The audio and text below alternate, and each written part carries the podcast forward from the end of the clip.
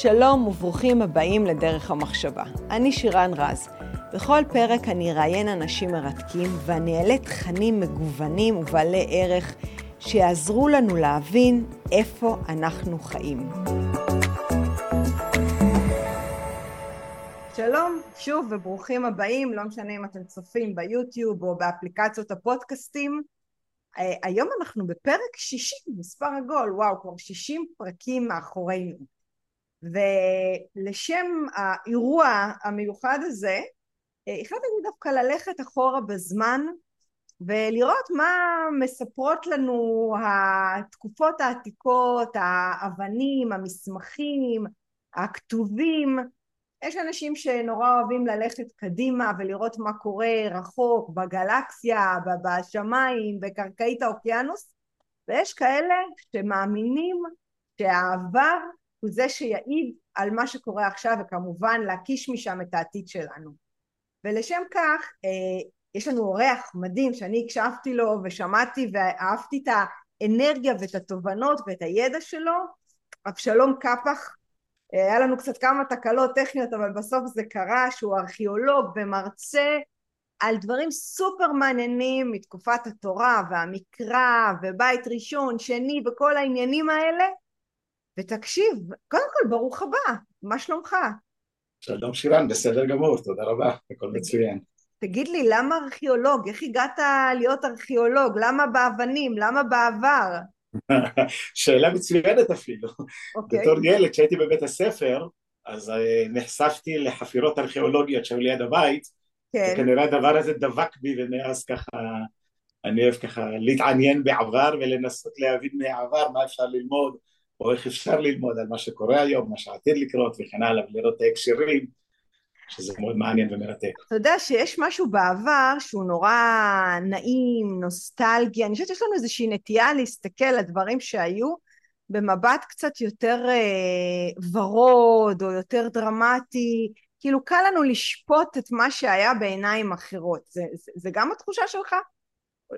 אה, כן, אני תמיד אוהב לתת דוגמה מהחיים האישיים של כולנו, כי כשהיינו בצבא קיטרנו, וכשאנחנו מסתכלים לאחור על הצבא, איזה תקופה כיפית הייתה, אותו דבר בנוגע לבית ספר, אבל העבר הוא בעצם, אם אנחנו באמת בודקים אותו לעומק כמו שנאמר, אז אה, יש שם דברים לא פשוטים, מורכבים וקשים, וגם דברים טובים ויפים, אבל uh, בסופו של דבר זה הדברים שמצמיחים גם אותנו וגם את ההיסטוריה, שאנחנו מתקדמים כל הזמן, ואנחנו מסתכלים לאחור לפעמים רואים את הטעויות, את השגיאות וגם את הדברים שבהם הצלחנו להתמודד יפה אולי עם כל מיני משברים, אז זה אני חושב הדבר אה, יפה, זאת אומרת אני לומד מהעבר כדי לדעת מה יהיה, אין חדש תחת השמש ואם נחכים מתובנות העבר אולי גם, גם נוכל לפעול טוב יותר עכשיו אה, בזמן הווה. יותר מזה, אני לא, אני כך לא אוהב כל כך להגיד שאני אין חדש תחת השמש, כי אוקיי. שאנחנו מתקדמים, אני אוהב אוקיי. לומר שההיסטוריה זה כמו מראת קסם שמראה לנו איפה היינו ואיפה אנחנו נמצאים היום ומה היינו רוצים להיות. שזה נותן לנו איזו פרספקטיבה נכונה על העבר, על ההווה ולקראת העתיד. זה לא שבאמת הדברים חוזרים אותו דבר, אנחנו בכל זאת השתננו והתקדמנו, הדבר היחיד שנשאר זה אנחנו בני אדם, עם אותם אה, מוטיבציות, עם אותם יצרים, עם אותם דחפים, בשאלה הגדולה איך אנחנו מתמודדים ומה למדנו ומה לא למדנו גם, שזה בסדר, חלק מהחיים כנראה. כמה רחוק בהיסטוריה אתה הולך עם הארכיאולוגיה? מה התקופת זמן הכי רחוקה שחקרת או למדת? אה, תראי, בדרך כלל יש מה שנקרא התמחות בתקופה מסוימת. זה נכון שבחפירות אתה נחשף לתקופות אה, קדומות. אז מחלקים את הארכיאולוגיה לתקופה מה שנקרא הפרה-היסטורית ולתקופה ההיסטורית. אני בגדול בתקופה ההיסטורית, לא בתקופה הפרה-היסטורית, למרות שזה מאוד מרתק, אבל שם באמת הממצאים הם מאוד דלים, לפי דעתי, סליחה שאני אומר, הם פחות נאמר אה, מרשימים מאשר בתקופות ההיסטוריות. התקופה שאני הכי אוהב זה תקופת כמובן הבית שני, מה שנקרא תקופה רומית, תקופה ביזנטית, כי גם יש לנו מקורות היסטוריים וגם כמובן אתה יכול לעשות הגבלות. אבל תקופת המקרא, כשאתה מוצא משהו, אז זה כמובן מאוד מאוד מרגש, כי תמיד אתה אומר, הנה זה משהו שאולי אבותינו נגעו, או פה דרכו, או פה היו, אז זה מחבר אותנו מאוד למקורות שלנו, לתנ"ך וכן הלאה וכן הלאה, הדברים האלה. אתה יודע, תמיד יש לי שאלה, שאולי גם אין עליה תשובה, שהרי את ההיסטוריה כתבו אנשים, ואנשים כותבים mm. דברים על סמך האינטרסים האישיים שלהם. וגם את המקורות שלנו, בוא נגיד ככה, שאם אני אכתוב עכשיו על אבשלום, או הבת שלך, או השכנה, או מישהו מסוף אה, הונולולו, יכתבו דברים שונים לגמרי. ותמיד אני תוהה, קודם כל, ברור שהיסטוריה זה דבר מדהים, גם אני למדתי היסטוריה בבית ספר ותמיד נמשכתי לזה, אבל האם אנחנו לא מייצרים מציאות מדומה אה, על סמך האנשים שחיו באותה תקופה ובעצם אולי בסיס ועל כן ומשם מגיעות כל הבעיות והקונפליקטים אפילו בין דתות עד עצם היום הזה. א', את צודקת, אבל אני אוהב להגיד שאנחנו היהודים עם של מספרי סיפורים. אוקיי. Okay. סיפור זה דבר מאוד מאוד חשוב, כי הסיפור זה דבר מכונן בחיים שלך, בלי קשר לפעמים אם הוא מנותק מהמציאות או חלק מהמציאות. כלומר אנחנו מגדלים ילדים, אנחנו גם מספרים סיפורים לאומיים, אבל זה מה שבעצם הדבק שמאחד אותנו אם כמשפחה, אם כקבוצה וכן הלאה וכן הלאה. וזה גם בסדר שיש כל מיני גרסאות לסיפור, זה חלק מהעניין. עכשיו בארכיאולוגיה, נהיה יותר מעשיים וכן הלאה, אז כמובן שיש את הגישות, כמו שאת אומרת, יש את הגישה הירושלמית בגדול שבאה ואומרת אנחנו עושים חפירה ארכיאולוגית, אם יש הקבלה לסיפור הזה בתנ"ך אז אנחנו אוהבים לעשות נאמר למצוא אם יש קשר ביניהם, יש גישה שאומרת לא, כמו שאת אומרת, אנחנו מוצאים, עושים חפירה ארכיאולוגית, מנתחים מה שיש, בלי קשר לסיפורי התנ"ך, כי סיפורי התנ"ך אולי זה כל מיני גרסאות מאוחרות, סיפורים אולי שהם סיפורים ולא אמת וכן הלאה. אבל אני אומר למה לקלקל סיפור יפה, יש לנו סיפורים, אז בואו ננסה לעשות את ההגבלות. והוויכוח הזה הוא בעצם ויכוח אה, מדעי נאמר בין שתי אסכולות אני באסכולה ירושלמית מן הסתם כי למדתי בירושלים ואני יותר גם מתחבר כי זה הסיפור והמורשת שלנו כעם זאת אומרת אם אנחנו בסיפור שלנו כעם יהודי באים ואומרים היה דוד המלך, היה סיפורי התנ"ך וכן הלאה וכן הלאה ואם אני מוצא בארכיאולוגיה דברים שיכולים לאשש את זה אז זה משמח אותי מאוד, למה לחפש ולקלקל סיפור יפה בעצם? נעשה את זה אפילו בצורה הזאת. אז, אז בואו רגע נעשה קפיצה ליולי 2023 במדינת ישראל. אין okay. פה אוקיי. טכנולוגיה ואין פה היסטוריה, יש פה מציאות של היום.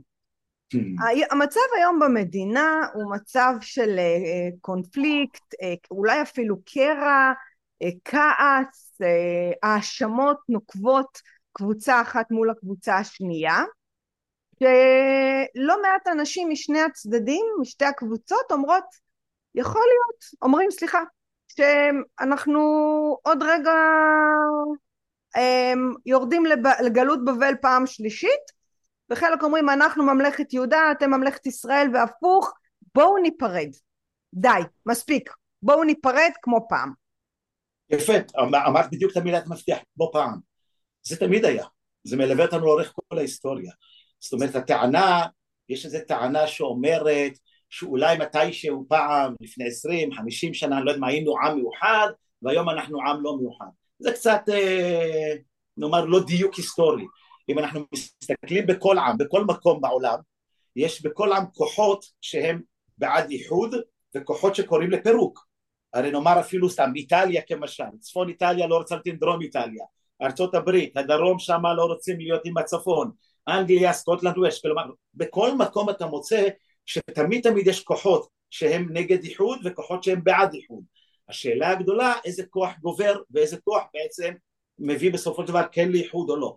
גם בעם ישראל לאורך כל ההיסטוריה אנחנו יכולים למצוא בעצם שהיו כוחות בעד והיו כוחות שנגד. ואם את רוצה שאני ארחיב על זה קצת ויותר ואני אומר, בטח, אז אני אגיד, אני אגיד, זאת אומרת אם אנחנו מסתכלים לומר על uh, תנ"ך, כן, נתחיל מהתנ"ך ועל ארץ ישראל אז יש דבר מאוד מאוד מעניין, יש מה שנקרא גורמים או סיבות עכשוויות שמביאות לפילוג, אבל יש מה שנקרא גורמים, מה שנקרא מובנים או גיאופוליטיים שהם בעצם מלווים אותנו כל הזמן. ואם אני אתייחס יותר ספציפית אני אומר שאם אנחנו מסתכלים על ההיסטוריה בכלל, שאלת קודם על ההיסטוריה, אז ההיסטוריה נאמר מתחילה בשנת, בגדול, מספרים עגולים, בשלושת אלפים לפני הספירה, אז מתחילה ההיסטוריה האנושית. אז בחמשת אלפים שנות היסטוריה, אם אנחנו מסתכלים, בעצם מדינה עצמאית בארץ ישראל זה דבר חריג כלומר ארץ ישראל אין לה את התנאים האובייקטיביים להקים פה מה שנקרא ישות פוליטית שנקראת מדינה. להבדיל נאמר ממצרים ומקומות אחרים.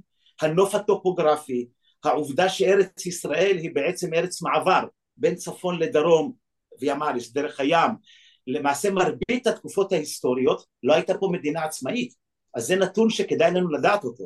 כלומר אם אנחנו מסתכלים בסקירה היסטורית מתי היו פה מדינות עצמאיות, אז פעם ראשונה הייתה פה מדינה עצמאית בתקופת התנ"ך. אז המדינה עצמאית נאמר הוקמה בימי דוד המלך ונהיה נחמדים ונאמר שהמדינה הזאת התקיימה עד חורבן בית ראשון 400 שנים. פעם שנייה שהייתה פה מדינה עצמאית זה תקופת החשמונאים, בית שני, שאז המדינה התקיימה, אני אומר במספרים עגולים, שיהיה לנו קל לחשב, כמאה שנים. Mm-hmm. הפעם השלישית שהייתה פה מדינה עצמאית זה בתקופת הצלבנים, לא אמרתי מדינה יהודית, אמרתי מדינה עצמאית. הייתה פה מדינה צלבנית שהתקיימה נאמר 200 שנה. ועכשיו יש לנו מדינה עצמאית, נאמר שאנחנו בני מאה. כן. נעשה סיכום של כל הדברים האלו, אז נראה שמתוך חמשת אלפים שנות היסטוריה, שמונה מאות שנים הייתה פה מדינה עצמאית. כלומר מרבית הזמן לא הייתה פה מדינה עצמאית. ומה הדבר המעניין? מה הביא להקמת המדינה בכל אחת מהפעמים האלו, ומה הביא לנפילתה. זה אותו דבר. מה שהביא להקמת... אבשלום, אתה הולך להגיד לנו את זה, אתה לא משאיר אותנו עם המידע הזה לבד. לא, עצרתי בשביל הדרמה. מה שהביא להקמת המדינה בכל אחת מהפעמים האלו זה שלא הייתה מעצמה, לא מצפון ולא מדרום, שאיימה עלינו. כלומר לפני תקופת דוד ולפני תקופת ההתנחלות מצרים שלטה בארץ ישראל. מכיוון שהיה מאבקים בתוך מצרים, מצרים נסוגה. מה הביא להקמ... לנפילת מדינת ישראל בתקופת המקרא? אשור ובבל, מעצמה. אותו דבר בתקופת בית שני, אותו דבר הלאה. כלומר מדינה יכולה להתקיים פה כל זמן שאין לנו מעצמה מצפון ומדרום. נהיה אקטואלים, איראן. זאת אומרת, אם יש מעצמה שמאיימת בצפון, זה כמובן חלילה וחס עשוי להביא בסופו של דבר בתהליך היסטורי לנפילת מדינה. אז אני אומר, אז קודם כל זה התנאי הראשון הבסיסי mm-hmm. בעניין שמדינה פה זה לא דבר מובן מאליו. כן. נמשיך את זה או שאת רוצה לשאול לא, לא, משהו? אנחנו נמשיך, אנחנו נמשיך כי בעצם אנחנו עכשיו שמים פה איזשהו תנאי שבכל הפעמים שכן הייתה פה מדינה, האיום מדרום או מצפון החריבה את המדינה. נכון. ו- ואז אנחנו, אוקיי, כרגע איראן היא איום רציני שיכול אה, להגלות אותנו פעם שלישית. Mm-hmm. אז בעצם איפה נכנס פה המלחמת אחים? אם, הב... אם הבעיה, התנאי הוא... אה, מעניין, אוקיי. רגע, היינו בהתחלה, אמרתי קודם כל הגורמים בגדול, עכשיו אני בא אלינו, עכשיו אני בא אלינו. אוקיי. בעם ישראל, לאורך כל ההיסטוריה, גם בתקופת התנ"ך, אני אעשה הקדמה קצת, כל אחד מהשב... מהשבטים, משבטי ישראל, זה לא רק סיפור על שבט ראובן, שמעון, לוי, יהודה, זה בעצם מציין שכל אחד מהשבטים תכונה אנושית שקיימת בחברה אנושית. עכשיו כדי למקד את זה, בתוך החברה האנושית הזאת של שבטי ישראל, יש לנו שני שבטים שהם בעצם אה, שבטים של מנהיגות, אבל כל אחד מהם זה מנהיגות אחרת. שבט יהודה mm-hmm. ושבט אפרים. שבט אפרים זה יוסף. וזה שתי צורות מנהיגות שבעצם הן מתעמתות זו מול זו, קוראות תיגר אחת על השנייה ומלוות אותנו לצערנו לאורך כל ההיסטוריה. שבט אפרים מציין את המנהיגות עם הכישורים, כלומר אני זוכר את יוסף, כן? האיש עם הכישורים. אז אפרים זה המנהיגות של האדם שבא ואומר, או שבט שאומר, אני יודע את הדרך, תסמכו עליי, אני אוביל אתכם וכן הלאה וכן הלאה. לעומתו יהודה זה מנהיגות שצומחת מלמטה, זה מה שנקרא מנהיגות משתפת, זה מנהיגות שבה אומר לאחים שלו למה נשפוך, הוא מדבר אל האחים שלו בלשון אנחנו וכן הלאה. עכשיו מה שקורה בעם ישראל מתקופת התנ"ך ועד בעצם קץ הימים לפי המסורת היהודית שיש מאבק בין שתי הגישות האלו. וזה מלווה אותנו לאורך כל ההיסטוריה. איזה מנהיג אנחנו רוצים?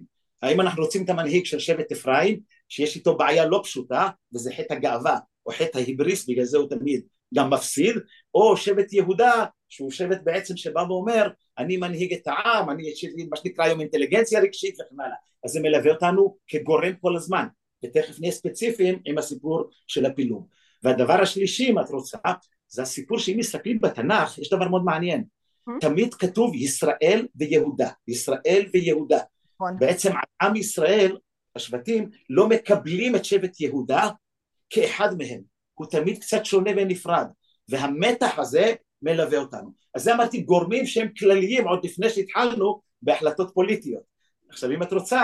רגע, אז בעצם שבט אפרים הוא היה שבט אחד מול, מול אבל זה אמור להיות מול שתיים מול עשר, לא? מבחינת... לא, לא, לא הבנתי. לא הבנת אותי, סליחה, אמרתי כל אחד מהשבטים יש לו תכונה אחרת. אה, תכונה, אוקיי, אוקיי, סליחה, נכון, נכון, אני חוזרת. שבט שמעון ולוי זה כן, כן, קנאות, כן, יש כל מיני תכונות. אפרים ויהודה זה צורות מנהיגות, בסדר? ואם נעשה את זה בלשון חז"ל לעתיד אבל לבוא, אני, אז... אני רוצה רגע להרחיב על אפרים, כאילו אמרנו שזה כן. בעצם משהו שהוא אה, מתבסס על בן אדם אחד, אה, איזשהו כישורים. כישורים שלו, הכישורים. אולי אפילו איזה סוג, אני לא יודעת, אולי אפילו סוג של דיקטטורה או סוג של איזה לא. מלך. לא, לא, לא, לא הייתי לוקח את זה לדיקטטורה. אז, אז בוא תנסה רגע להרחיב לי קצת מה זה אומר על בן אוקיי, אדם. אוקיי, אז אני ארחיב את זה, אני ארחיב. אז זה מתחיל הרי ביוסף ואחיו. בתנ"ך, כן? יוסף זה הבן שאביו לימד אותו, גידל אותו, הכשיר אותו להיות המנהיג של האחים. עכשיו, מה שקרה עם המנהיג הזה, הוא כמובן נכשל במשימה החשובה שאביו נתן לו, זה להשלים עם אחיו. ואז הוא מתגלגל גלגולים במצרים, שם הוא הופך להיות המשנה למלך מצרים. נכון. כלומר, האיש הזה באמת מבטא את הכישורים שלו, מוציא אותם לפועל בחסות מלך פרעה, בחסות פרעה מלך מצרים. ויש פה דבר מאוד מעניין. מתי הוא מתקשר לאבא שלו להגיד לו שהוא בחיים? לא, 20 שנה אחר כך, רק, 22 שנים. למה? רק כשהוא משלים את המשימה שהוא משלים עם אחיו. אז הוא אומר לאביו הכל בסדר. עכשיו, כשעם ישראל מגיע לארץ ישראל, המנהיג שלנו זה יהושע, שבט אפרים. מהמם. אבל התנ"ך מלמד אותנו שיש בעיה עם שבט אפרים. הוא גאוותן, זאת אומרת, הוא תמיד אומר, לא טוב לי, יש איתי בעיה, לא נתנו לי מספיק וכן הלאה. אני קצת ככה מספר, הרי כן. אם את יודעת, זוכרת תנ"ך, שבט יפתח, כשנלחם, באים לו שבט אפרים, אומר, למה לא סיפרת לנו, אחרי הניצחון כמובן. ואז הוא כועס עליהם, והוא טובח בהם, הורג 42 אלף איש. ואז אנחנו מוצאים ששבט אפרים מאבד את היכולת שלו לקרוא תיגר על המנהיגות. ואז שבט יהודה הולך ומתחזק. וזה. מה שמביא לצמיחתו של בית דוד וכן הלאה וכן הלאה. עכשיו אם את רוצה שנמשיך את הסיפור הזה, ודאי. אוקיי? אז בוודאי. זה מה החלטות בגדול. עכשיו יש מה שנקרא החלטות פוליטיות שמקבלים נאמר דוד, שלמה, שהם מעצימים את הפער ומביאים בסופו של דבר לפילוג. לא בכוונה, אלא ההפך, תכף תראי, מתוך כוונה טובה. נתחיל בדבר החשוב ביותר שעושה דוד. הדבר החשוב ביותר שעושה דוד הוא מאחד את עם ישראל. הרי שאול שהיה מלך לפניו לא נתפס כמלך, אנחנו אומרים הרי דוד ולא שאול, כי שאול לא איחד את השבטים, הוא השאיר את המבנה השבטי. דוד מאחד את כל השבטים לממלכה ולמדינה אחת או לעם אחד, אבל משלם על זה מחיר כבד. מה המחיר הכבד? זקני השבטים איבדו את הכוח הפוליטי שהיה להם. עכשיו כבר אין להם מעמד, מי שעכשיו יש לו זה הממשלה. ואז אנחנו מוצאים דבר מדהים, שכשמרד אבשלום יש, הבן של דוד מורד באביו, כל זקני ישראל וכל עם ישראל תומכים באבשלום ולא בדוד. כלומר פוליטית אותם אנשים שהפסידו הם לא סולחים לדוד. אז רואים לפעמים החלטה פוליטית שהיא נכונה לעם ישראל, היא מביאה בסופו של דבר גם את התגובת נגד שלה. אז זו החלטה פוליטית ראשונה נאמר שדוד עשה טוב לעם ישראל, אבל במובן מסוים הוא שילם על זה אחר כך מחיר כבד. החלטה פוליטית שנייה של דוד זה הסיפור שבמרכאות אני אומר הוא לא עושה פרוטקציות. מה זאת אומרת הוא לא עושה פרוטקציות? הוא אמרנו מקים מדינה אז הוא מעביר את עיר הבירה לירושלים, נכון? מקום ניטרלי. הוא לא נותן, אה, הוא לא עושה הנחות, הוא לא נותן אה, טובות או הנעת, אה, הנאות לשבט יהודה. ואז במרד אבשלום הוא מוצא שכל המשפחה שלו תומכים באבשלום ולא בו. כלומר יש פה דבר מדהים. כלומר קשה. המלך רוצה להיות מאוד לויאלי ולאומי מבלי לעשות נאמר, לתת למקורבים שלו כל מיני טובות הנאה ואז בסופו של דבר ברגע האמת הוא רואה שאף אחד לא נמצא איתו. ואז קורה שם דבר מדהים. אחרי מרד אבשלום הוא מבין שהוא חייב את שבט יהודה. ואז הוא אומר לשבט יהודה תבואו אתם ראשונים לקבל אותי כמלך. ואז כל העם אומרים רגע רגע מה אתה עושה פרוטקציה לשבט יהודה? אז אנחנו לא רוצים להיות איתך. ואז יש עוד מרד שבע בן בכרי. כלומר להראות שלפעמים ההחלטות בפוליטיקה זה דבר מורכב, אתה מקבל החלטה שהיא כאילו נכונה, לא כאילו, היא נכונה באופן אובייקטיבי, אבל יש עליה כמובן תגובת נגד שהיא בעייתית. והדבר האחרון עם דוד, אני, ואני אעשה הפסקה, לא, לא, הדבר בסדר, אני, אתה יכול לדבר, אני מקשיבה, אוקיי. זה מרתק. אוקיי? הדבר, ההחלטה השלישית, נאמר, אפשר לומר, שדוד מקבל ככה שהיא טעות, זה שהוא לא ממנה את היורש הראוי. מה זאת אומרת? הרי אמרנו שיש מתח בין שבט אפרים ושבט יהודה. עכשיו לדוד יש הרבה נשים, לפחות 18 נשים היו כן? והיו שם המון תככים בחצר המלוכה.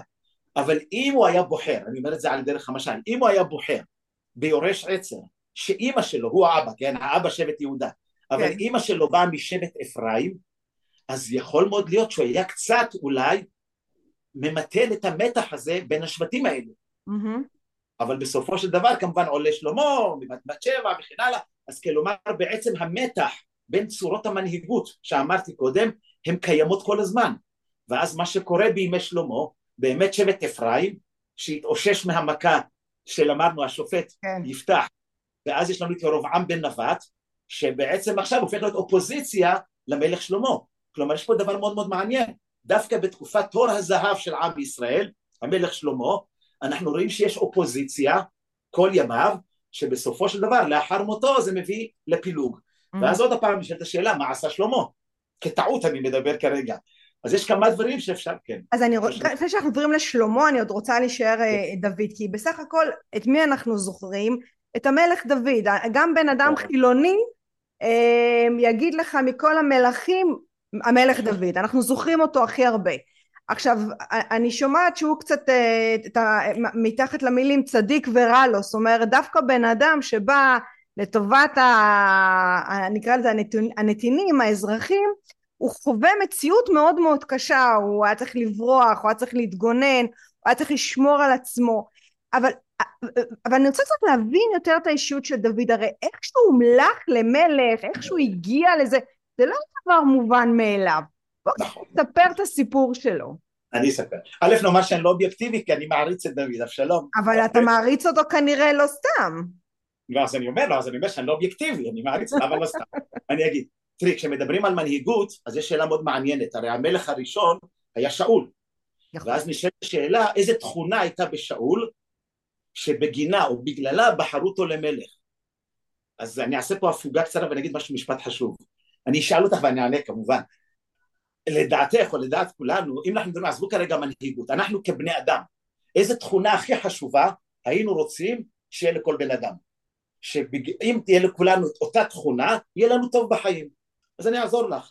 אני חושבת רגישות. רגישות, רגישות, לא? אני לא יודע, רגישות אנחנו צריכים כן. טיפול אחר. לא, לא. אוקיי. אז אני אגיד משהו אחר, לב טוב. זה זה התכוון, רגישות זה הלב טוב שהתכוונתי. אוקיי, לא, לא, אבל אם לכולנו יש לב טוב או יהיה לב טוב, אנחנו לא זקוקים למערכת משפט. אנחנו לא זקוקים לכלום, כי הכל ייפתר, אנחנו נסלח, נמחל, כי יש לנו לב טוב. אבל כבר התנ"ך, התורה הגדירה לנו שיצר לב האדם הוא רע מנעוריו, נכון? נקודת הבסיס היא שזה לא ככה לצערנו. עכשיו אני חוזר לשאול, מה כתוב על שאול וזה דבר מדהים. כתוב על שאול כשמושך אותו שמואל למלך, בחור וטוב, ואין איש בישראל טוב ממנו, משכמו ומעלה. כלומר בוחרים מלך עם התכונה שכולנו היינו רוצים, בחור טוב. אבל ההיסטוריה של שאול מלמדת לצערנו שזה לא מתאים למנהיגות. כי שאול בסופו של דבר אמרו עליו מי שמרחם על אכזרים, סופו שמתאכזר על רחמנים. כלומר התכונה של בחור נכון. טוב שהיא טובה לנו כבני אדם בחברה היא לא בהכרח תכונה נכונה למנהיגים. עכשיו נבוא לדוד. כן. למה דוד הפך להיות, למה, מה כתוב על דוד? כששמואל מושח אותו למלך, אז כתוב שם אדמוני עם יפה עיניים וטוב רואי. אז אדמוני זה לא ג'ינג'י, נתחיל מההתחלה, זה טעות, זה לא ג'ינג'י. זה לא ג'ינג'י, אז מה זה? לא ג'ינג'י. כבר אה, שובר אה, פה מיתוס. אז נכון, שובר מיתוסים בכיף. כן. אדמוני זה לא ג'ינג'י, כי יש לנו שלושה אנשים שמופיעים כאדמוני בתנ"ך. על עשיו נאמר אדמוני כולו אדרת שיער, דוד נאמר אדמוני, והשלישי נאמר בשיר השירים דודי צח ואדום, שערותיו שחורות כעורב. עכשיו אנחנו יודעים שבעולם העתיק אדמוני הכוונה היא לעור לחיים אדום, כי זה מלמד על בריאות ועל כוח, נכון? כמו אצל נערים בגיל 15, אדום לחיים. כמו נשים ששמות עומק, כן? אתה יודע שבשואה, אה, כשהיו, באמת, בגטאות, כשהיו רוצות הנשים שם להיראות טוב, שלא חס וחלילה הוציאו אותם להורג, אז כן. הן היו דוקרות את האצבעות שלהן, הוציא דם, והן היו שמות צומק עם דם אה. כדי להיראות בריאות. אה, נכון, כדי שלא ישלחו אותם ישר חלילה. יפה, יפה, יפה, לא ידעתי. כן. אה, אז דוד, הסיפור של דוד, תראו, כאן יש פה מדהים. מה אומרים על דוד? שהוא אדמוני כמו מי? כמו עשיו. אבסורד כאילו. דוד המלך שלנו, משיח ישראל, הוא כמו עשיו, מה הכוונה? הוא כמו עשיו ביצרים, ברצון שלו לפעול, איש שדה, אבל יש שילוב מעניין, בניגוד לעשיו, כתוב אדמוני עם יפה עיניים, מה זה יפה עיניים? יפה עיניים זה לא עיניים כחולות ירוקות או חומות, יפה עיניים זה ראי לנשמה, אנחנו אומרים שהעיניים זה ראי לנשמה, השילוב הזה של אדמוני, איש עז יצרים, יחד עם אמרנו ראי לנשמה, שתכף נמצא את הדוגמה, זה השילוב של משיח ישראל, דוד. אז בגלל זה זה השילוב הנכון, זה אדם פעלתן, זה אדם שמוכן לעשות, אבל מצד שני הוא כל הזמן נמצא בדו שיח אל מול אלוהים, זה הכוונה היא. כשהוא חוטא עם חטא בת שבע, שכולנו אוהבים לחגוג על זה, אז כמובן, כשנתן אומר לו חטאת, אתה איש, הוא אומר לו חטאתי לאדוני. זאת אומרת, אתה צריך להגיד חטאתי לאוריה, נכון? אבל הוא מנהל מול אלוהים. מול אלוהים, הוא משלם על זה מחיר כבד. מרד אבשלום, כמובן, אחר כך מרד שבע בן בכרי, הבת שלו תמר וכן הלאה, כלומר יש שם מחיר כבד שהוא משלם. אבל זה יהודי שמנהל דו שיח אל מול האלוהים. בגלל זה דוד הוא דמות כל כך נערצת. הוא איש מורכב, הוא כותב תהילים, הוא נלחם, הוא הכל יחד, כן. אבל אני, אני חוזרת רגע לרגע שבחרו אותו מבין כל האחים שלו. כן. שהוא לא היה ברור מאליו שהוא היפה והטוב והמוצלח מבין כל האחים. דווקא אותו שמו בצד והוא היה נראה כמו הכבשה השחורה ואיך שהוא אני, תספר לנו את זה, אתה יודע יותר טוב ממני. אז אני אוהב, א', אמרת נכון, אני אוהב תמיד בהרצאות לומר שהמלך דוד זה הבן הדחוי שהפך להיות מלך בישראל. נכון. דרך אגב, דרך אגב, בתקופת בית שני במדינת החשמונאים, המלך המוכשר והמוצלח ביותר במלכי החשמונאים קראו אלכסנדר ינאי, שגם הוא הבן הדחוי שהפך להיות מלך. עכשיו מה הסיפור, למה הוא בן דחוי, מה הסיפור של דוד? הרי דוד הוא הבן השמיני, זאת אומרת הבן הקטן, והנביא שמואל כשבא לבית לחם הוא אומר לישי אבא של דוד מחר תביא את כל הבנים שלך אני עושה זבח. ואז מה מתברר? שמואל עובר בין כל הבנים ואף אחד לא מתאים. הוא רואה את הגבוה אליאב לא וכן ואז הוא שואל ישי תגיד מה אין לך עוד בילדים? הוא אומר יש לו עוד אחד קטן הוא שם רועה צאן. ואז הוא אומר לו תביא אותו. ואז נשאלת השאלה למה הוא לא הביא אותו מלכתחילה זה העניין. פה, או, ואז עכשיו התנ"ך לא מספר לנו את זה, אבל פה נכנסת האגדה היהודית שמסבירה שדוד בעצם היה מה שנקרא הבן הדחוי ואז כשקוראים לו אז בעצם שמואל בא ואומר הוא יהיה המלך, הוא האיש המוכשר וכן הלאה וכן הלאה אז בגלל זה דוד נבחר שזה כמובן... מדהים בעיניי דרך אגב מדהים. הסיפור הזה שדווקא הוא שהוא היה רועה צאן ובערים ובטבע וכנראה באמת היה לו את היצרים האלה שאתה מדבר ואת חיבור לרוח, אולי הוא עשה שם מדיטציות. אה, לא, לא, לא, ממש לא. לא, לא מדיטציות, את מבלבלת, רגע, רגע. לא, לא, אני צוחקת, אני צוחקת, אני צוחקת. לא, לא, דוד, יש איזה רגע מאוד יפה, כן. הרי ישי, איך דוד מתחיל את דרכו הפוליטית, מה שנאמר. אז ישי שולח את דוד לדרוש בשלום אחיו, שירדו כן. למלחמה. ויש שם דבר מאוד מעניין, יש מפגש בין אליאב, הבן הבכור, לדוד, הבן הצעיר. אני תמיד אוהב לעצור פה ולומר, בכל משפחה בין אחים יש מה שנקרא קואליציות. נכון? זה תמיד יש קואליציות בין ילדים. כל, דרך אגב, כל ספר בראשית זה ספר על יחסים בין אחים, שזה מרתק. עכשיו, מה שקורה בקואליציות האלה בדרך כלל, הילד הבכור, הבן הבכור, והבן הצעיר הם בדרך כלל שותפים, כי הם לא מאיימים אחד על השני. זה לא כמו הילד השני והשלישי. זה עכשיו, נכון. יפה. כן, יפה. עכשיו, מה קורה שם? יש שם דבר מדהים. כשמגיע דוד ופוגש את אחיו הבכור, מה אומר האח הבכור? משפט מדהים. אני ידעתי את רוע לבך ואת זדונך כי ירדת לראות מלחמה. הוא אומר לו אתה אדמוני, כמו שאמרתי, אתה עשיו. אתה אוהב חרחורים כאלה, מלחמות, אתה לא סתם באת לפה. זה אח הבכור אומר על דוד. גם מה פתאום דוד מתערב במלחמה עם גוליית, הוא בכלל לא חייל. כלומר זה בעצם היצרים או הדחף שיש לדוד. מצד שני מה שאת אמרת וזה נכון, אותו דוד אחר כך כותב ספר תהילים, הוא מנגן לשאול, כלומר הוא באמת איש מאוד מאוד מורכב שיש בו את כל הצדדים האלה וזה מה שעושה אותו כל כך מרתק לטעמי ובגלל זה גם אני חושב לא רק אנחנו היהודים מעריצים אותו גם הנוצרים. נכון. אפילו בקוראן דוד קוראים לו דאוד הוא גם נביא הוא לא רק מלך. כלומר הוא דמות שנער כן בקוראן קוראים לו דאוד. מופיע בקוראן המלך דוד? כן כן מופיע גם דוד גם שלמה אבל שם הוא גם דאוד הנביא הנביא גם לא מלך רק. כלומר זו באמת דמות נערצת אם אתם רוצים בכל הדתות המונותאיסטיות. אז זהו אני חושב שדוד הוא באמת דמות אה, מרתקת ועם כל זה ועם הדמות המורכבת והיכולות שלו ומישהו היה בסופו של דבר הוא, הוא, הוא היה נרדף הוא עבר חיים לא פשוטים זה החיים של כולנו לא? אני תמיד אוהב להגיד שכל סיפורי התנ"ך זה לא סיפורים על דוד זה סיפורים על כל אחד מה שעובר בחיים שלו הוא התחיל את החיים שלו כסיפור הצלחה אמריקאי נכון? ניצח את גוליית, היכה שאול באלפיו, דוד בריבותיו, מיכל מתאהבת בו, הוא מתחתן, הוא ישר מגיע לחצר המלך אבל מה קורה? אז מתחילים התככים, שאול פתאום מבין שהאיש הזה מסוכן, הוא מאיים עליו, אז שאול רודף אותו, ואז הוא צריך לברוח, ואז הוא צריך למצוא לעצמו אנשים, ואז הוא צריך לעשות זה, כלומר יש פה תהליך בעצם איך אדם בונה את חייו, כולנו, איך אדם בונה את חייו, עליות, ירידות, עד שבסופו של דבר, אם זה מסתדר, מגשים ומצליח בחייו. אבל אין ספק שדוד הוא דמות אה, מופלאה בדבר הזה.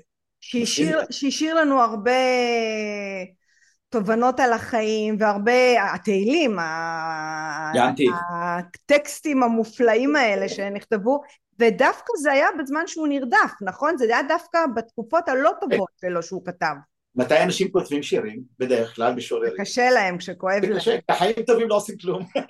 יושבים ואוכלים לחיים. שרע, אתה, לא, הרע זה גם, תראו, אלמלא יצר רע, אדם לא היה בונה בית ולא היה עושה, כלומר, יש משהו בסבל וברע שדוחף אותנו. כשטוב לך אתה לא עושה בעצם, אנחנו כל הזמן, אני תמיד אוהב להגיד שבמסורת היהודית אין עושר, תשימי לב, לא מדברים על עושר. לא כתוב שאנחנו צריכים להיות מאושרים, לא באנו להיות מאושרים. לא, לא. כי אושר לא זה רגע, זה לא סיטואציה, מצב סטטי. נכון, נכון. זאת אומרת, אנחנו יכולים לפעול ולעשות, ובתוך הפעולה והעשייה יש רגעים של אושר, אבל אנחנו לא באנו כמו אצל הבודהיזם לעשות נירוונה רמת מדיטציות. לא, לא, מה פתאום. אנחנו באנו לא, גם כל... בתורה, גם בקבלה יש מדיטציה. תראה, להניח תפילין זה סוג של מדיטציה. כן, אבל זה להגיע להתרוממות, זה לא כדי...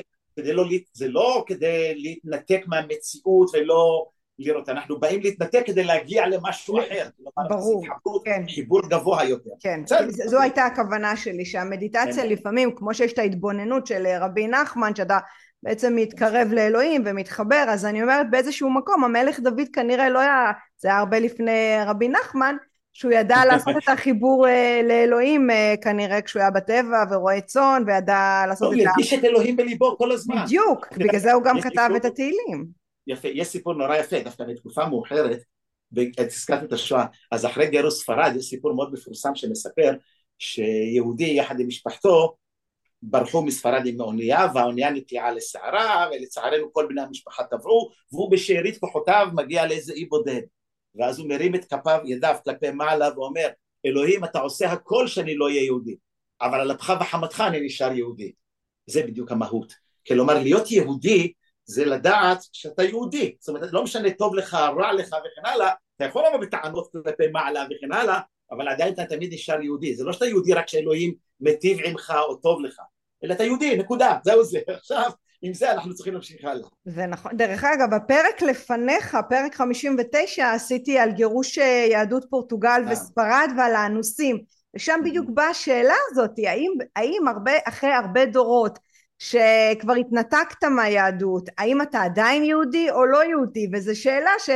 שהתורה אומרת, אם אתה רוצה להיות יהודי ולחזור ואנסו אותך נכון. להמיר את דתך, אז אנחנו מקבלים אותך בעזרות. זה נכון, זה היופי ביהדות, כן. שאנחנו, זה לא דת גזעית שבאה ואומרת רק מישהו, כל אחד, מי שרוצה להצטרף אלינו, אז בוודאי, בשמחה רבה, יהודי לכל דבר, כן, אין ספק. אז אנחנו בעצם מדברים על העניין של המלכים ועל החלקם ש...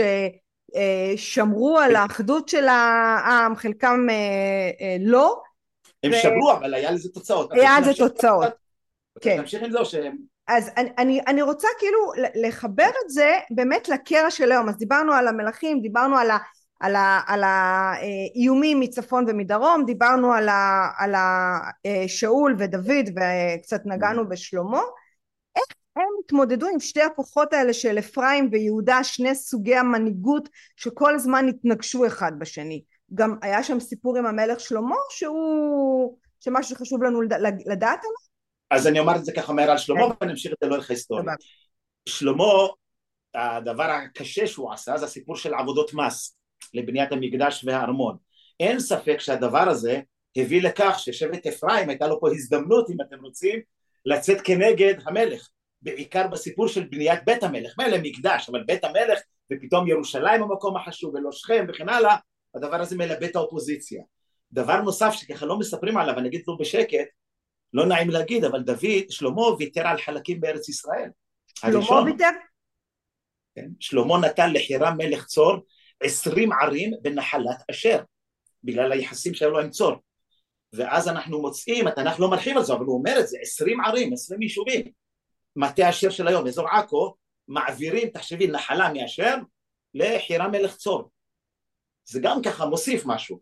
בטח. והדבר האחרון, כדי שנוכל להתקדם מהר, כי אנחנו מהר, אה, שלמה כשבוחר יורש עצר, את זוכרת אמרנו על דוד, בטח. זה מאוד מעניין, במי הוא בחר? הוא בחר ברחבעם. עכשיו למה שלמה החכם בכל אדם לא בחר כמו שאמרתי, היה לו אלפי, אלף נשים, כן? למה לא בחר במישהו שאימא שלו מאפרים, כמו שאמרנו? אז מי זאת אימא של רחבעם? זה דבר מאוד מאוד מעניין. אימא שלו כתוב עמונית, מעמון. מעמון? עכשיו, למה זה כל כך חשוב? למה? כי דוד סיפח את עמון לישראל. רק את עמון. שאר השטחים שהוא כבש הם לא חלק מארץ ישראל. את עמון הוא סיפח בגלל שיש שם מרבצים של ברזל, שהיה מאוד חשוב, והדרך, דרך שנקראת היום הדרך החיג'אזית, רכבת החיג'אזית. שלמה הבין שאם רוצים לאחד את עמון בתוך ישראל, אז חשוב שהמלך יהיה מהאזור הזה. הוא כאילו חשב, טוב, בתוכנו המאבק בין אפרים ויהודה יכול להמתין, אבל העובדה היא שזה לא המתין. ואז מגיע כמובן לאחר מות שאול, פה אנחנו מגיעים עכשיו לקטע, המלך החדש רחובעם עולה לשלטון, ואז באים שבט אפרים ואומרים לו לא, אנחנו לא באים לירושלים, אם אתה רוצה להיות מלך, תבוא אלינו לשכם. כלומר, מה נדרש מהמלך החדש? ויתור. האם המלך יתעקש שהם יבואו לירושלים, או שילך אליהם? ואז המלך אומר, בסדר, אני מוחל על כבודי, אני בא לשכם. הוא מגיע לשכם. אני בכוונה מספר את זה, כי בבית ספר אמרנו שרחבעם היה מלך כאילו טיפש, לא כל כך פשוט.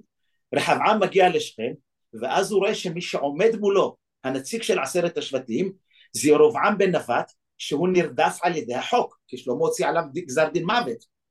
ואז הוא מופיע כנציג העם לפני רחבעם. ומה הוא אומר לו? הוא אומר לו, אביך ייסר אותנו בשוטים, אביך יכביד את עולו, הוא אפילו לא מזכיר את שם המלך, הוא אומר לו אביך, הוא פוגע בכבודו של מלך. פוגע בכבודו. יפה. ואז רחבעם רואה שבעצם עשו לו פה מלכודת, טריק, והוא לא יודע מה לעשות. אז הוא אומר, תנו לי שלושה ימים. דרך אגב, אני תמיד יודע שלושה ימים זה פרק הזמן להחלטות אני, אני רגע פה עוצרת אותך, בעצם יש לנו את ממלכת ישראל, עשרה שבטים, ירבעם הוא המלך שלהם. הוא עוד לא מלך, הוא עוד לא, עכשיו. הוא עוד לא המלך. לא, עוד לא, עכשיו קורה הרגע. שכם זה עיר הבירה של אה, ממלכת... אה, שבט נפתלי, זה אוקיי. שבט אפרים, סליחה. אוקיי. עיר המרכזית בארץ ישראל בעצם. ויש לנו את רחבעם, ששם בעצם ירושלים, תעשה לי רגע סדר. אני עושה, רגע, שלמה שולט על כל ארץ ישראל, על כל כן. 12 השבטים, רחבעם עולה לשלטון, גם כן שולט על כל 12 השבטים. שבט אפרים אומרים לו, הזקנים, אם אתה רוצה שנקבל אותך כמלך, תבוא אלינו. אז הוא כן. בא. ואז מתחיל, נקרא פה משא ומתן. במשא ומתן הזה הם רוצים, תיתן עלינו, תעשה לנו הקלה במיסים. ואז הוא מבין שעשו לו מלכודת, הוא אומר, תנו לי שלושה ימים להתייעץ. ואז אמרתי לך, שלושה ימים זה פרק זמן אידיאלי לקבלת החלטות קשות. מי שיודע, תסתכלו כאן בתנ"ך זה כל הזמן. ואז מה הוא עושה? הוא מתייעץ. הוא מתייעץ עם היועצים מה שנקרא הזקנים, המבוגרים, שהיו עם אביו. הם אומרים לו, תשמע, תעשה הכל כדי שיקבלו אותך כמלך, תוותר להם. העיקר שיגידו שאתה מלך ישראל והכל יהיה בסדר. צעירים בהם אומרים לו, לא, לא, לא, אתה סחיט. אם אתה תוותר להם עכשיו, יגידו שאתה כל הזמן מוותר, ואז ימשיכו לסחוט אותך עוד. אז הוא מחליט לקבל את העמדה, של, את העמדה של הצעירים, הילדים, מה שנקרא, אלה בני גילו. ואז הוא אומר את המשפט המפורסם, אבי יעשה אתכם בשוטים, ואני אעשה אתכם בעקרבים. הוא נחוש להראות להם שהוא לא מוותר. ואז הוא שולח כמובן את אדורם אשר על המס, רוגמים אותו באבנים, ואז יש פילוג. כלומר, אז מתחיל הפילוג. הבנתי, אז זה אגב, של הפילוג, אוקיי. כן, אז פה מתחיל, שנת 928 מתחיל הפילוג. אבל המאבק הזה, נמשיך, המאבק הזה במנהיגות הוא מאבק שנמשך לאורך כל ההיסטוריה. אם נדלק כרגע על התנ"ך, נמשיך קצת הלאה, המאבק הזה נמשך לאורך כל ההיסטוריה. אתן דוגמה מתקופת בית שני, אין לנו מדינה. אבל יש סיפור מאוד מפורסם ויפה שמספר שהיה מאבקים בין חכמים. את יודעת, חכמים יושבים על סוגיות וצריכים לקבל החלטות. עכשיו יש שם סיפור מאוד מאוד מפורסם שנקרא תנורו של עכנאי. תנור, הכוונה היא טבון, עכנאי זה צורת הבנייה, עכן זה נחש. כלומר כשבונים תנור בצורה של חוליות על חוליות. פחות חשוב כרגע, אבל היה שם ויכוח האם זה מקבל טומאה, לא מקבל טומאה. ואז קורה שם סיפור מאוד מעניין. גדול חכמי ישראל קוראים לו רבי אליעזר בן הורקנוס, אם קראתי את הספר של יוכי ברנדס, הפרדס, כן? אז הוא גדול חכמי ישראל, הוא יודע את האמת, הוא יודע את האמת, הוא גדול חכמי ישראל, הוא אומר להם התנור הזה לא מקבל טומאה, אבל החכמים לא מקבלים את דעתו. עכשיו איך מקבלים את ההחלטה? על פי רוב, אבל הוא יודע שהוא צודק. את מכירה את התחושה הזאת? הוא יודע שהוא צודק. בטח שאני מכירה. אבל לא מכירה אותם בהלכה, ואז קורה דבר מרתק. הוא אומר להם תסתכלו בחוץ אתם רואים עץ תאנה? עץ התאנה תזוז ממקומו עץ חרוב סליחה. עץ חרוב יזוז ממקומו. עץ החרוב באמת זז ממקומו. הוא אומר תשמע זה נס נורא יפה אבל מה זה קשור להלכה? ואז הוא אומר להם עוד פעם תסתכלו אתם רואים אמת מים במקום שמיים יזרמו מלמעלה למטה יזרמו הפוך. עוד פעם הוא אומר תשמע זה נורא יפה אבל מה זה קשור? הדבר האחרון הוא אומר להם תסתכלו על כותלי בית המדרש. הכל יזוז רעידת אדמה. כדי לכם שאני צודק אומרים תשמע, זה נורא יפה, אבל מה זה קשור? ואז הוא אומר להם את הדבר המרתק, אתם לא מאמינים לי? אלוהים יבוא ויגיד שאני צודק. יצאה בת קול משמיים ואמרה, הלכה כרבי אליעזר, כלומר מה? הוא צודק. אבל אז גם קם גדול, אה, גם אחד החכמים, רבי יהושע, ואמר, מיום שניתנה תורה בהר סיני, אין נשמעים לבת קול. זה מדהים. התורה מונחת לפנינו, ואנחנו נפרש אותה. עכשיו, מה כל הסיפור הזה? זה בדיוק מה שאמרתי, זה הוויכוח בין איש עם כישורים לבין העם, או רבי יהושע שמייצג את האינטליגנציה הרגשית. Mm-hmm. ואז באים ואומרים לנו, עם כל הכישורים שלו, הוא לא קובע. זה איש עם תכונות, כן? אני לא ארחיב עכשיו מה, כן, למה כן, דווקא... ברור. אבל הכוונה היא, יש לו את היכולת, אבל לא מקבלים את ההחלטה, אלא אומרים לו, לא, אנחנו מחליטים ואתה תקבל. ואז מטילים עליו חרם ונידוי, כי הוא לא מוכן לקבל את זה. אני אשלים את כל הסאגה הזאת. כן, כן, כן, לא, אני מקשיבה, בטח. אני עוקבת, אני גם עוקבת. אוקיי, אני אומר שבעצם הסיפור הזה הוא סיפור שנמשך לאורך כל ההיסטוריה, כי כל הנביאים מדברים ואומרים, לעתיד לבוא, הנביא יחזקאל אומר, באחרית הימים, עץ אפרים ועץ יהודה יהיו יחד. כלומר, במסורת הפשוטה יותר בקבלה אומרים, יבוא משיח בן יוסף, ואחרי זה משיח בן דוד. כלומר, רק באחרית הימים בעצם שני הצורות מנהיגות האלו יגיעו איכשהו להשלמה. אבל זה בעצם דבר שמלווה אותם לאורך כל ההיסטוריה, איזה מנהיג או איזה צורת מנהיגות בעצם היינו רוצים. וזה מלווה אותנו לאורך כל הזמן, גם היום וגם בעמים אחרים וכן הלאה. בעצם המאבק הזה על צורת המנהיגות, על העניין של האם מדינה באמת צריכה להתקיים, יכולה להתקיים, השאלה הגדולה מה אנחנו עושים כדי להביא לאחדות ולא... אתה יודע מה שאתה אומר אה, במושגים אה, הדתיים אה, יבוא משיח מבית אפרים ומיהודה מבית יוסף כן. זאת אומרת ששתי צורות מנהיגות שונות לגמרי בעצם יצליחו לחיות ביחד ובהרמוניה. אז, אז כש, כשנצליח לתקשר אחד עם השני זה מה שהתחלנו בעצם את השיחה אז, אז בעצם תבוא, תבוא, יבוא עלינו השלום שנצליח, שיהיה איזשהו מנהיג מצד ימין, יהיה איזשהו מנהיג מצד שמאל ו- ו- והדבר הזה יצליח uh, לתקשר ו- ולדבר אחד עם השני. כן, אני לא חושב שהבעיה פה זה המנהיגים, זה כולנו לא המנהיגים, מה זאת אומרת? אנחנו, כולנו, זה כל אחד מאיתנו, אנחנו לא מסוגלים להקשיב למי שלא חושב כמונו ורואה את הדברים כמונו, ופה מתחילה הבעיה. Mm-hmm. זאת אומרת, ברגע שמעבר לסיסמאות שאנחנו מכבדים את האחר והשונה, שזה סיסמאות, אני לא אוהב תמיד את הסיסמאות האלה, אבל כי כל אחד בא מרקע אחר, מהשכלה אחרת, וזה בסדר. אבל ברגע שבאמת אנחנו נוכל להקשיב לשני, לא כדי לנצח אותו בוויכוח, כי המטרה פה בוויכוח זה לא לנצח, המטרה היא, זה גם לא ויכוח, המטרה היא זה חקר האמת. הבעיה היא שהיום בתקופה המודרנית לומדים debate, נכון? אה, ויכוחים. אז לאנשים יש תשובה לכל שאלה, אתה יכול לטהר את השרץ ולטמא את הטהור, כי אתה יודע לכל דבר לתת תשובה, אבל זאת לא הכוונה. הכוונה אם אנחנו רוצים באמת זה לנסות להגיע כל אחד מהכיוון שלו לחקר האמת ואם אנחנו כולנו באמת נכבד אחד את השני לא חייבים להסכים אבל אנחנו נלך בקו שאנחנו רוצים להגיע לאיזשהו אמת אזי גם המנהיגים שלנו יהיו אחרים הבעיה היא שהמנהיגים משקפים את מה שאנחנו זאת הצרה. זה, זה העניין, מי, מי, מי, מי מוליד את מי? העם מוליד את המנהיג או המנהיג מוליד את העם? זאת אומרת, הבנת, זה, זה השאלה שזה מה שרציתי להגיד מקודם על המנהיגים שיהיו, אז אני אומרת יכול להיות שאנחנו צריכים להתחיל את השינוי בתוכנו ואז לייצר את האקלים לא, להוליד מתוכנו מנהיג מתאים או האם זה הפוך? האם צריך להגיע מנהיג שיעור קומה כמו שמגדירים אותו איזה משיח עם יכולות על שהוא זה שיספוג כן בדיוק יספוג בתוכנו את האמת שלו ואז אנחנו נשתנה. זאת אומרת מי, מי מקדים את מי? אז זה מה להגיד, זה, תראו, אין לנו תשובה, בוא נתחיל עם זה, אין תשובה. לא, בסדר, זו השאלה. אומרים מעניים תצא תורה, זאת אומרת אנחנו צריכים לעשות את כל הדברים במקביל. כן. זאת אומרת, הרי זה כמו שהתחלנו בסיפורים, אתה מספר לעצמך סיפור, ואז אם אתה מספר לעצמך סיפור, בלי קשר כרגע אם זה אמת או אגדה, הסיפור הזה הופך להיות בעצם מציאות אם אנחנו מקבלים את זה. כלומר, אם אנחנו באמת, באמת כחברה, נקבל אחד את השני, לא צריך להסכים, הרי היו אומרים על הלל ושמאי, נכון? אלו ואלו דברי אלוהים חיים. הלל אומר ככה, שמאי אומר בדיוק הפוך ממנו. אבל זה הכל עדיין בתוך אותו שיח. כלומר, אנחנו צריכים לכבד ולהגיד שבתוך השיח שלנו יש מקום לדעות ולקולות שונים. אבל יש כללים איך מנהלים את השיח, דבר ראשון, והמטרה של כל השיח הזה זה חקר האמת. לא להגיד שאין אמת, היום אומרים אין אמת, יש אמת לשעתה ויש אמת אני לא יודע מה, לא, זאת אומרת אנחנו צריכים להגדיר לעצמנו שיש אמת ואנחנו צריכים להתכוונן לאותה אמת. במקביל לדבר הזה אולי גם יצמחו המנהיגים ואולי יבואו מנהיגים מלמטה, מלמעלה, אנחנו לא יודעים מאיפה, אבל זה תהליך מורכב, זה כמו פסיפס, אין פה תשובה שאם נעשה א', ב', ג', זה לא נוסחה מתמטית, החיים זה כמובן סיפור מאוד מורכב, ובאמת יש פה שאלה גורלית שאת שואלת היום, זאת אומרת מה מאחד אותנו היום פה?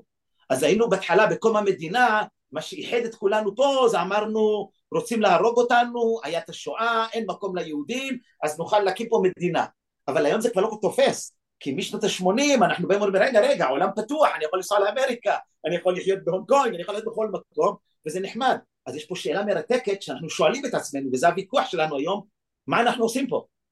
זאת אומרת אנחנו לא רוצים להיות אמריקה כי באמריקה יותר טוב. זאת אומרת מה אנחנו עושים פה בארץ או מה מחזיק אותנו יחד ומה בעצם הייחוד שלנו היום זאת אומרת אם פעם זה היה כארץ מקלט כי אין מקום היום אנחנו צריכים למצוא לעצמנו איזה מסקנה או איזה עמדה שבאה ואומרת בלי קשר כרגע מה העמדות וכן הלאה, מה שמיוחד בעם ישראל או במדינת ישראל זה א' ב' ג' וזה מה שעושה אותנו פה כמדינה אחרת, לא עוד מדינה ככל העמים. כי באמת אפשר לנסוע לכל מקום ובאופן אישי אתה יכול לחיות חיים יותר טובים מאשר פה. אז זה באמת המאבק שיש היום על הזהות שלנו שזה מאבק בגלל שהגענו בעצם למצב כלכלי יחסית איתן אין סכנות, עזבי כרגע את איראן, כן, ברור. אבל אין מלחמות נאמר כמו פעם, זאת אומרת בסך הכל מרגישים פה בטוח. אז כשאתה מרגיש בטוח, מתעוררות הרבה שאלות.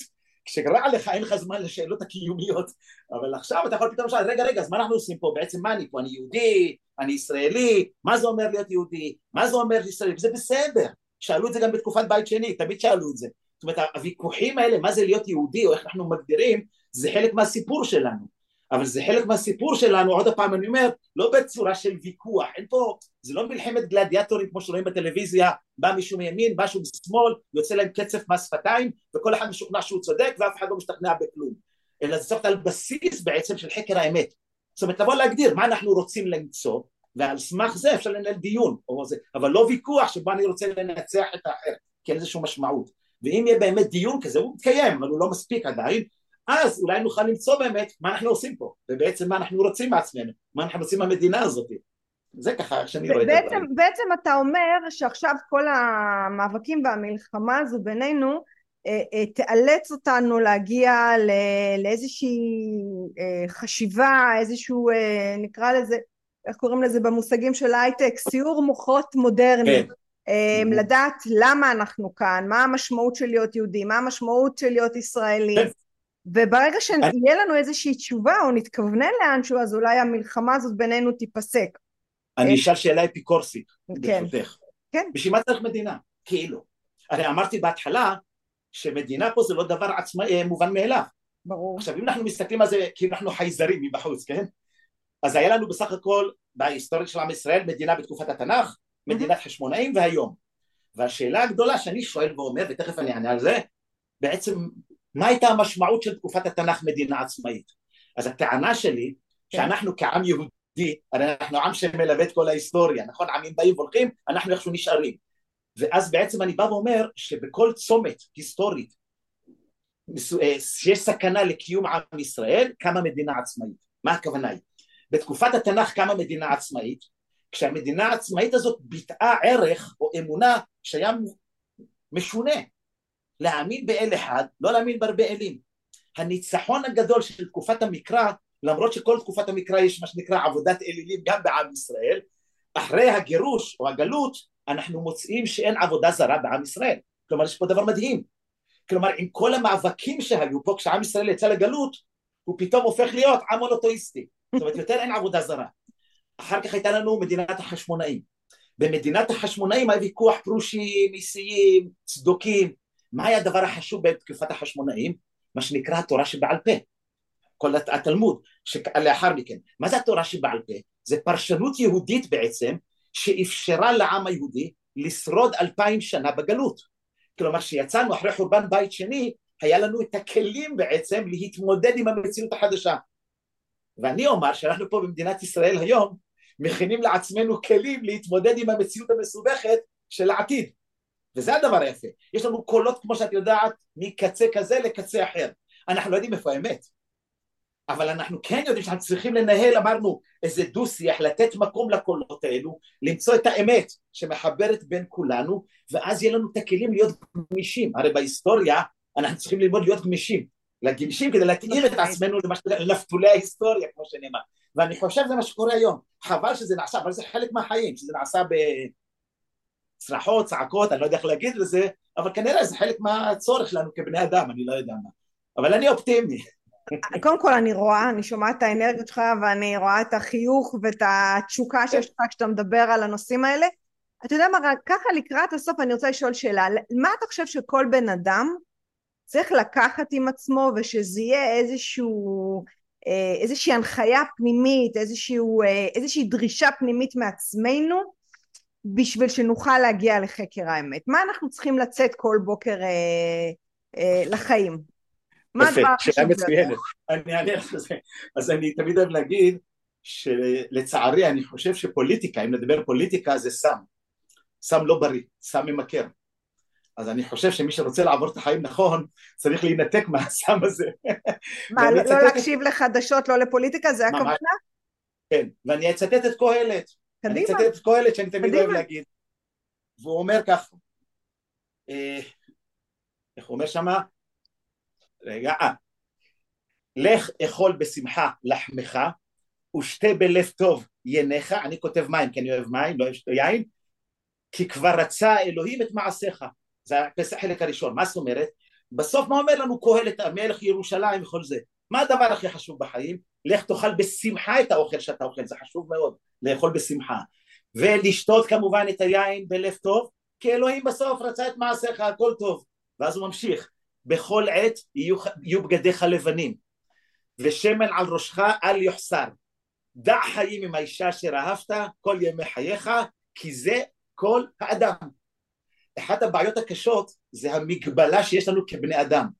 יש בתורת הזן משפט שאומר אם העז הייתה יודעת שהיא עז רגליה היו מסתבכות זו בזו אם הנהר היה יודע שהוא נהר הוא היה סוטה ממסלולו רק אנחנו בני אדם כל הזמן עסוקים במי מה ואיך ואנחנו מאבדים את האמת הפשוטה שזה החיים נכון. זאת אומרת ההתכווננות של החיים הדברים הבסיסיים שכמובן כמו שאמרתי כיהודים וכן הלאה יש את העניין גם של אלוהים וה...